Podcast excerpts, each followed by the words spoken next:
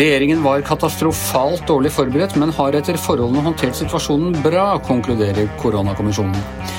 Og enda en vaksine tas av markedet inntil man har fått oversikt over bivirkningene, kan utsette full gjenåpning med flere måneder. Dette er Gjevrøy-gjengen. Det er onsdag den 14. april. Eh, ja, Hanne Skartveit, hva skal vi si om dette? Altså, det er liksom I ene øyeblikket så kitter koronakommisjonen til regjeringen og sier at de var helt eh, forferdelig dårlig forberedt, og det er meget kritikkverdig og sånn. Og så skamroser de om hvordan de har takla det, det etterpå. Det er litt sånn Det er litt hva skal du si? Det er sånn man ikke skal oppdra barn, har jeg inntrykk av. At, at liksom ja, De fikk jo spørsmål av Stavanger Aftenblads-journalist. Betyr dette egentlig at de fikk stryk på forberedelsene, men bestått i selve håndteringen? Og det mente nok eh, lederen for utvalget, Stene Kvinsland, at det var en ganske god beskrivelse.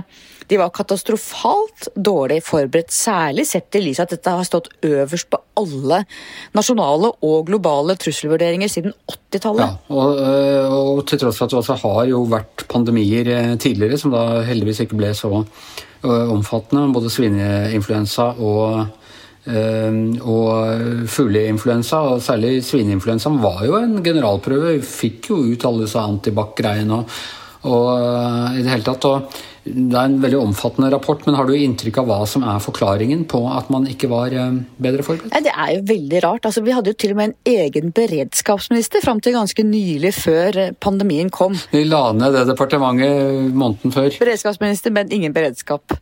Jeg syns det er interessant, etter alle kriser snakker man om de såkalte læringspunktene. Et tema som jeg blir, et ord som jeg blir veldig svett av.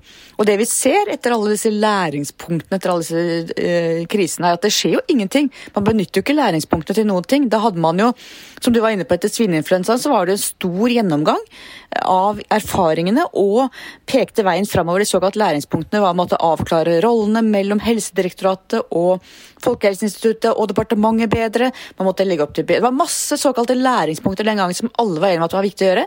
Har ikke skjedd noen ting nesten etter det. Nei, jeg var altså det siste halvåret før Eh, pandemien kom, så, så, gikk jeg på Forsvarets høgskole, og en tredjedel av, den, av det kurset handlet om liksom, trusler mot uh, det sivile samfunn. Overalt hvor vi kom, så presenterer de da pandemi øverst, og så gikk man rett videre til å snakke om uh, terrorisme og datasikkerhet og alle de tingene. Og uh, er det litt det at, at pandemien var liksom ikke så spennende, så moderne som disse andre utfordringene? Er det, er det, det som har gjort det? Er det så banalt? Ja, litt, tror jeg faktisk. Det er jo ikke så eksepsjonelt. Det er jo ikke noen som kommer med maskingevær, det er ikke drama. Det er, ikke, det er noe som på en måte sniker seg inn uh, uten at du helt ser det, og blir liggende og øker sånn gradvis inn. Det er ikke ett stort, uh, en, stor hendelse. Så jeg tror det handler litt om det. Og så er det ja, det er ikke politi involvert, det er ikke Forsvaret. De uniformene som er, er de hvite frakkene. Det er ikke like spennende. Jeg tror det handler litt om det. Og så er det kanskje at det har ligget der som en trussel hele tiden, og det har jo ikke skjedd. Det har jo ikke skjedd før det brått kommer. Ja, men det har nesten skjedd. Så det er, det er ikke sånn at det kommer helt ut av det blå heller. Nei, det er helt utrolig. Det de også pekte på, som vi har skrevet om tidligere i VG, at f.eks. har det ikke vært en eneste av kriseøvelsene siden svinepandemien, mener jeg å huske. Ikke en eneste øvelse som handler om pandemi av de kriseøvelsene man har hatt. Man har også hatt helsekriseøvelser, men aldri rundt pandemi, og det syns jeg er veldig spesielt sett i lys av de trusselvurderingene som eh, vi snakker om nå. Og Noe av det kanskje aller eh, merkeligste og mest kritikkverdige, får lese den rapporten ordentlig, men det må jo være at alt smittevernutstyret hadde vi liksom beregnet at vi skulle få fra, fra Kina, som er, eh, er liksom selve problemets episenter. og Det gjorde jo at det tok jo månedsvis før det var tilgang på sånne masker som vi nå er rukket å bli grundig lei av. Ja, og som Kvennesland sa, at vi skal være glad for at de var i en annen fase i pandemien enn det vi var. Fordi at Hvis, de hadde vært like, hvis det hadde vært like akutt med pandemien i Kina mens vi hadde det, så hadde jo ikke de ønsket å eksportere. Da hadde de villet bruke bruke smitteutstyret sitt selv også. Og De peker jo også på at vi visste jo allerede i januar, FHI advarte tidlig, vi visste i januar allerede at det var en pandemi på vei. I februar hadde vi blitt advart fra Italia, fra Folkehelseinstituttet, fra mange, uten at noe skjedde. Når man da når pandemien kom hit 12.3, så hadde man ikke engang forberedt konsekvensen av mulige skolestengninger, konsekvensen av hvordan de forskjellige etatene måtte samarbeide seg imellom. Det kom veldig sånn hastevedtak som man kunne ha forberedt mye bedre, både på tvers av ulike sektorer, og hvilken effekt det faktisk ville ha for barn og ungdom. Kunnskapsgrunnlaget, var det riktig eller galt å stenge skolen. En hel masse ting de kunne gjort før 12.3, som de gjorde helt i siste liten. Det er sånn sånne ungdommer som eh, leser dagen natta før eksamen, ikke sant. Det er, går jo an i ungdomslivet, men det går ikke an for en regjering i møte med en pandemi. Eller det er egentlig som uh, ungdommer som begynner å lese etter at eksamen er i gang, ja. må, man, uh, må, man, vel nesten si. Men det er vel fusk, Anders? Ja, det, det, er fusk, og det må man vel nesten si dette her òg. Men så har de altså gjort det bra etterpå. Og det, altså, det er jo to helt forskjellige situasjoner, men, men 22.07 var jo også noe vi var advart mot. Uh, altså Riktignok kanskje ikke høyreekstrem terror, men terror i det hele tatt. Det hadde vært mange terroraksjoner Eh, rundt i Europa i, i, eh, og, og, USA i de ti årene som eh, ledet fram til det. Vi var totalt uforberedt. Det var en knusende kommisjonsrapport. Og du som eneste politiske redaktør sa at Jens Stoltenberg, som da var statsminister, burde ta konsekvensen og gå av. Nå skal jeg la deg få gå litt mer inn i denne rapporten her først, men kan det være aktuelt her? Jeg tror dersom smittetallene hadde vært verre Dersom dødstallene hadde vært verre, eh, dersom økonomien hadde vært verre, så hadde det vært en annen problemstilling. Det er klart det som jo Kvennesland også la vekt på, er at det er klart Norge har kommet bedre ut enn de aller fleste andre land, både når det gjelder smittetall og dødstall og når det gjelder økonomiske konsekvenser av nedstengningen. Og I den grad man må kunne si at uh, beviset er i puddingen, så er det klart at uh, samlet sett, hvis du ser på resultatet, så har jo regjeringen gjort det ganske bra. Ja, og det var det de har eh, Vi kan lese ut av det også. Du, Vi ser til slutt Hanne, vi ser at det er en gryende jeg vet ikke om man skal kalle det motstand, men et gryende opprør mot regjeringen, mot pandemihåndteringen mot vaksineringsprogrammene, alt sammen. Det er, er, kraftigere nå enn det var eh, for, eh, et halvt eh, år siden. Tror du denne rapporten rapporten vil eh, fyre opp under de eh, sentimentene, eller er dette en rapport som alt i alt eh, styrker myndighetenes posisjon? Noen vil selvfølgelig bruke denne for det det er verdt, og det er bra at vi får debatt rundt disse tingene òg. Men jeg tror ikke det blir noe mindre oppslutning om tiltakene eller noe mindre oppslutning om vaksinasjonsprogrammene pga. dette. Men jeg tror det kan føre til en ganske viktig og god debatt om beredskap i Norge. Eh, som er helt nødvendig. Både eh, for å evaluere det som har skjedd denne gangen, og ikke minst for å være bedre forberedt neste gang. For vi vet at det kommer nye kriser av den ene eller andre typen. Astrid, det er jo uh, vært sånn med denne pandemien at hver gang vi tror det går litt bedre, ting lysner litt i horisonten, så kommer det en sånn kraftig setback.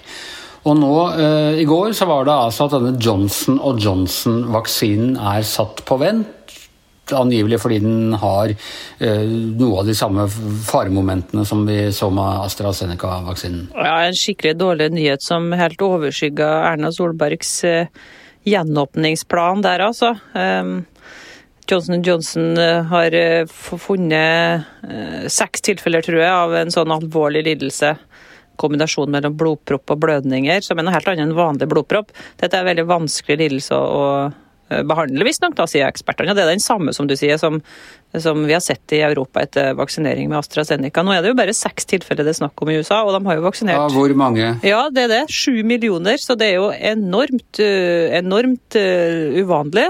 Men så er spørsmålet finnes det flere tilfeller. Sånn var det jo i, i Europa, så vi, når vi begynte å finne de første i ja, Norge var blant de første landene som fant noen. Eh, og da sa jo i begynnelsen både det europeiske legemiddelbyrået og Storbritannia at nei, nei, nei, dette er jo ingenting, og vi har ikke noen tilfeller i Storbritannia, og der har vi vaksinert 17 millioner, eller hva det var for noe. Så begynte de å se etter, og så fant de jo Nå har vi jo kommet opp i 200-300 eh, tilfeller. Men i, Europa, nei, i Storbritannia, bare. Men det er vel tilfellet med vaksiner i det hele tatt? Det er ikke eh, totalt risikofritt. Det er det som har skapt grobunn for eh, denne vaksineangsten som en del mennesker og, og for så vidt også uh, medisinere har. Ja da, Vaksineskeptikere har jo rett i det selvfølgelig når de snakker om svært sjeldne bivirkninger. at det, det må man forvente at det kommer. Verden har jo aldri vaksinert så mange millioner, og det skjer samtidig. Det skjer kjempefort. Norge vaksinerte 45% i 2009 og 2010 mot svineinfluensa. Det var da rekord. Eh, så det her er helt eh, eksepsjonelt. Og du kan jo se f.eks. sammenligninger med p-piller som gir blodpropp, eller hodepinetabletter og sånne ting. Det er relevant, men det skjer jo over eh, mye lengre tid at man kan kanskje oppdage en blodpropp i år, og så er det neste år. Men her kommer de jo på rekke og rad, for det er så utrolig mange som blir vaksinert. Hva rent praktisk får dette å, si i Norge? Det var snakk om tolv uker, at det kunne føre til tolv ukers forsinkelse? Ja, altså ekspertene har jo sagt 12 uker, 13 uker, og så sa Bent Høie toppa det på Dagsrevyen eller Dagsnytt 18 i, i, går og sa 10-14 uker hvis både AstraZeneca og Johnson Johnson ikke kan brukes. da. Det er jo da slik at eh, ja, begynner å se mot høstferien, da, oktober. Eh, da vil den nye planen, da, hvis den blir slik som den blir nå, så vil alle over 18 få sitt første stikk da. Og planen var jo da at det skulle skje i juli nå, da. Det er jo selvfølgelig noe som de har sagt det var usikkert hele tida, og kommer an på leveransene, men det er jo en kjempeskuffelse hvis eh, det nå skulle vise at vi ikke kan bruke de her to vaksinene. Hvor lang tid kommer de til å bruke på å få utreda dette her? Godt spørsmål, det står bare på amerikanerne. Um, med AstraZeneca så har vi jo uh, holdt på i Europa, ikke sant? men denne den vaksinen fra Johnson Johnson er ikke brukt i Europa ennå. De står nå på lager, klar for å brukes. Vi har fått uh, doser i Norge allerede, skulle jo begynne å bruke dem i dag. Eh, onsdag. Men eh, det er jo produsenten nå som har sagt at eh, vi skal stå opp helt frem til de finner ut mer. Så de må vel gå gjennom registrene sine. og Jeg vet ikke hva slags register USA har på det området. Det har jo vært en ganske rotete vaksineringsprosess i USA òg. Og Norge pleier å skryte av at vi har de beste registrene, best oversikt i verden over, omtrent over pasienter, sånn at det har vært litt lettere å funne ut det her, kjøre registre opp mot hverandre her da, enn det kanskje vil være i USA. Jeg går ut fra at vi ikke er noen mulighet til å melde seg som frivillig prøvekanin og ofre seg på vaksineutprøvingens alter? Jeg syns det er en eh, debatt som er litt interessant. Det er jo helt sikkert mange som har lyst til å ta de her eh, vaksinene, tross for at den eh, lille risikoen er der. Fordi For mange så er jo frykten for covid og risikoen for covid mye, mye større. Kanskje ikke for de yngste aldersgruppene, det gjenstår jo å se litt. da. Men jeg tror at det er slik i Norge, da, vil helsemyndigheten svare at slik gjør ikke i Norge. Det er enten godkjent eller så er det ikke godkjent. Det er noe sånn her frivillige greier her. Én for alle, alle for én, eh, altså. Men eh, hvis de skulle hvis de skulle lempe på det, så kjenner jeg at jeg er veldig klar for å ta den derre én eh, til én million-risken for, for, å ta den vaksinen. Og det tror jeg ganske mange er. Det, altså En del begynner jo nå å bli vaksert, vaksinert. Vi, vi har snakka om tidligere dette med vaksinesjalusi. og, og begynner liksom å føle at det er eh, nå, nå stopper opp rett før uh, de store massene skal vaksineres? Ja, ja, ja. Jeg tror kanskje jeg ville vurdert å tatt den vaksinen hvis jeg har fått tilbudet. Men det er klart, den risikoen på én på én million og sånn Etter hvert så har jeg jo fått tall i Europa som viser at risikoen er 1 til 100 000. da. 100 000 i, i, på AstraZeneca uh, i Norge f.eks. Men ja, det er jo òg ganske liten risiko, da. Og risikoen for å få covid er jo ja, stor og mye større. Og du kan få senskader, og man kan få uh, alvorlig sykdom og sånn, så det er jo en um, kjempeproblem som Norge og Europa er i nå, fordi at de var så strenge på AstraZeneca. Nå har jo Danmark eh, stoppa hele AstraZeneca i dag, skrota hele bruken. Norge skal gi beskjed om hva de velger i morgen, tipper de gjør det samme.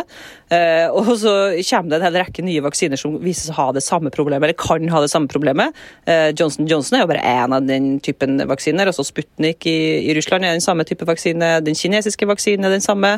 Så vi kan jo ende opp med at vi ikke har så mange alternativ til slutt slutt. Og da må vi jo være faktisk villige til å ta en annen risiko, for det er jo ikke noen annen utvei ut av pandemien enn å vaksinere oss. Deprimerende perspektiver er det uansett. Og med det så er eh, Giæver og gjengen over for denne gangen. I hvert sitt hjemmestudio Hanne Skartvedt, eh, Astrid Mæland, jeg heter Anders Giæver, og han som eh, skriver alle kommisjonsrapportene etter hver eneste utgave for å finne ut hva vi gjorde galt og hva vi gjorde riktig, er vår produsent Magne Antonsen.